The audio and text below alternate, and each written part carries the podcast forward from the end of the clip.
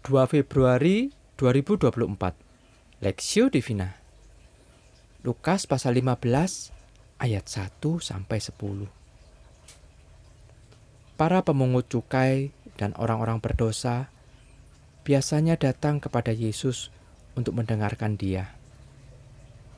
Maka bersungut-sungutlah orang-orang Farisi dan ahli-ahli Taurat katanya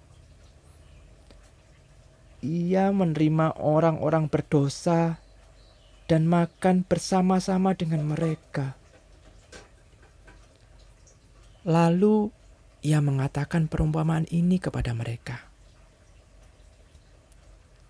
Siapakah di antara kamu yang mempunyai seratus ekor domba, dan jikalau ia kehilangan seekor di antaranya, tidak meninggalkan yang 99 ekor di padang gurun dan pergi mencari yang sesat itu sampai ia menemukannya. Dan kalau ia telah menemukannya, ia meletakkan di atas bahunya dengan gembira. Dan setibanya di rumah, ia memanggil sahabat-sahabat dan tetangga-tetangganya, serta berkata kepada mereka, Bersukacitalah bersama-sama dengan aku, sebab dombaku yang hilang itu telah kutemukan. Aku berkata kepadamu,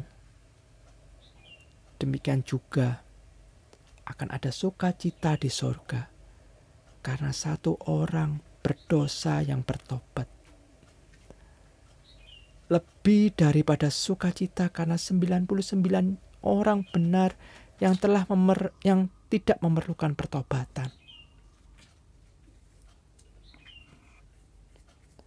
Atau perempuan manakah yang mempunyai 10 dirham dan jika ia kehilangan satu di antaranya, di antaranya tidak menyalakan pelita dan menyapu rumah serta mencarinya dengan cermat sampai ia menemukannya.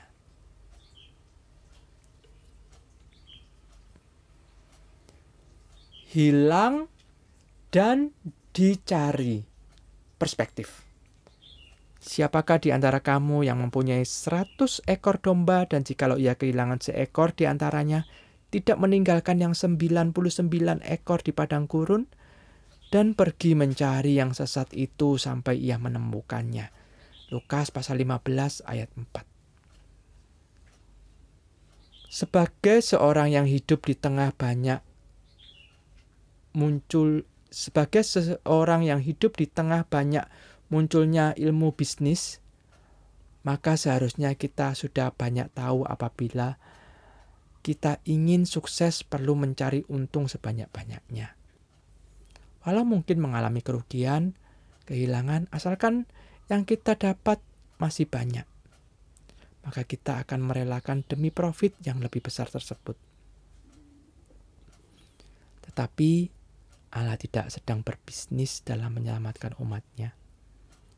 Seperti perumpamaan yang disampaikan Yesus dalam bacaan hari ini, dikatakan seorang gembala yang benar akan tetap mencari satu domba tersesat walaupun ia harus meninggalkan 99 domba lainnya. Secara kacamata kita mungkin bertanya, buat apa? Kan masih punya banyak. Akan tetapi, Tuhan memandang dengan detail tiap jiwa secara berharga. Kita harus memahami hati Allah yang demikian. Bahwa bukan hanya yang sudah diselamatkan atau terkumpul maka Allah cukup dan berhenti di sana. Walaupun ada banyak domba yang diselamatkan, Allah senantiasa mencari dan menyelamatkan yang terhilang. Percayalah bahwa Allah akan menggendong dan akan membawanya pulang.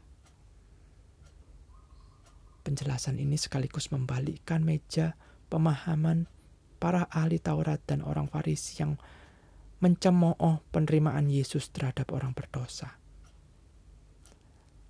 Apa yang mereka ketahui selama ini adalah salah. Sebab seakan menganggap bahwa Allah menunggu orang-orang benar. Perlu kita ketahui bahwa Allah bukan pribadi yang diam saja dan menunggu secara pasif orang-orang mana yang hidup taat kepadanya. Sebaliknya, Ia adalah Allah yang menunjukkan effort atau usaha mencari orang-orang yang sedang tersesat dan tenggelam dalam dosa maka sebagai orang yang ada di dalam gereja, kita harusnya memiliki worldview seperti ini. Kita perlu memandang setiap jiwa berharga, walaupun tidak banyak. Kita harus bersuka cita seperti malaikat di surga menyambut domba terhilang yang akhirnya pulang. Kiranya Tuhan menyiapkan hati kita untuk bisa memiliki pandangan yang berbelas kasih seperti ini studi pribadi, adakah kita hidup dalam dosa? Ambillah waktu untuk mengetahui dosamu dan berbalik kepada Tuhan. Berdoalah, Tuhan, terima kasih untuk pengajaran hari ini yang memberitahu kami bahwa Engkau akan men menyayangkan setiap jiwa yang hilang kiranya hati kami dapat sama sepertimu.